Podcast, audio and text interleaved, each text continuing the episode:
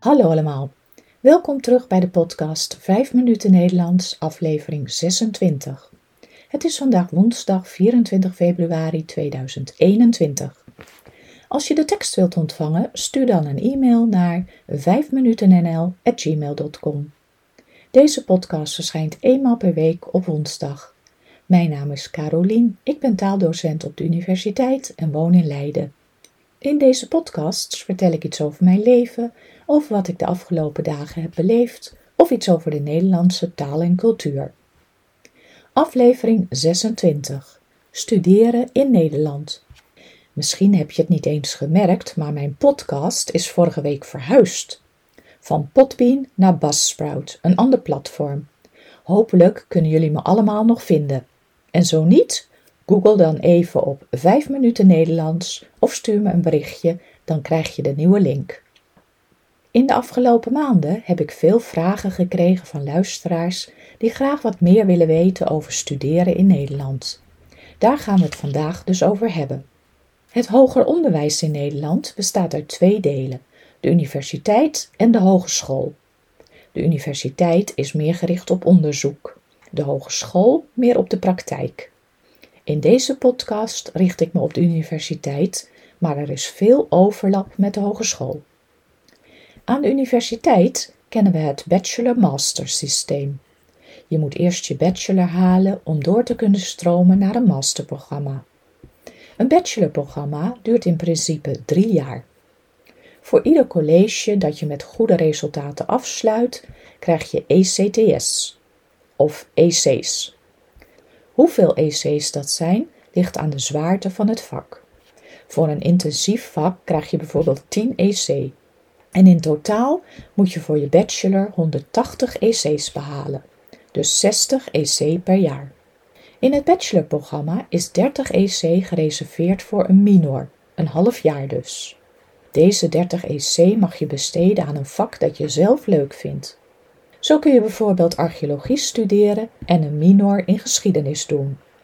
En in het derde jaar moet je een scriptie schrijven of een eindproject doen. En als je dan alle 180 EC hebt behaald, heb je je bachelor. Daarna kun je verder studeren voor een master. In Nederland gaat bijna iedereen door met een master. Er zijn eenjarige en tweejarige masters. De tweejarige zijn gericht op onderzoek. Als je dus uiteindelijk wilt promoveren, moet je zeker kiezen voor een tweejarige master. De meeste colleges worden afgesloten met een werkstuk of een tentamen. Dit wordt dan nagekeken door de docent en hij of zij geeft er een cijfer voor. We kennen hier het systeem van 1 tot en met 10, waarbij 10 het hoogste is. Als je dus een 10 haalt, heb je het uitmuntend gedaan.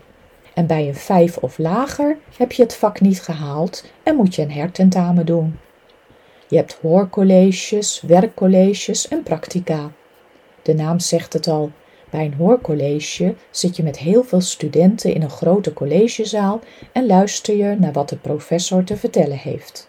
Bij een werkcollege of een practicum moet je zelf aan de slag en actief deelnemen. Als je uit het buitenland komt en je wilt graag in Nederland studeren, moet je worden toegelaten. Je moet een dossier inleveren bij het International Office en zij beoordelen of je aan de eisen voldoet. Vaak worden er ook eisen gesteld aan het niveau van de Nederlandse taal. Dit verschilt per opleiding. Zo liggen de eisen bij een studie rechten hoger dan bij een studie wiskunde. Logisch natuurlijk, want bij rechten speelt taalgebruik een grotere rol dan bij wiskunde. Veel Nederlandse universiteiten bieden ook bachelor- en masterprogramma's in het Engels aan. Dit maakt het voor internationale studenten makkelijker om hier te komen studeren. De meeste studenten wonen op kamers in de stad van hun universiteit. Je moet zelf je huisvesting regelen. Dat is niet altijd makkelijk, dus daar moet je op tijd mee beginnen. Vaak wonen meerdere studenten in één huis, wat natuurlijk erg gezellig is. Sommige studenten worden lid van een studentenvereniging. Bij de vereniging worden allerlei leuke activiteiten georganiseerd en kun je je medestudenten ontmoeten. Er zijn heel veel soorten verenigingen. Sommige heel traditioneel en strak georganiseerd, andere meer vrijblijvend. Om lid te worden moet je meedoen aan het introductieprogramma dat meestal eind augustus plaatsvindt, net voordat het academisch jaar begint. Als je in Nederland wilt gaan studeren, wens ik je heel veel succes. Dit was het weer voor vandaag. Veel dank voor het luisteren. Een hele fijne dag en tot volgende week. Dag!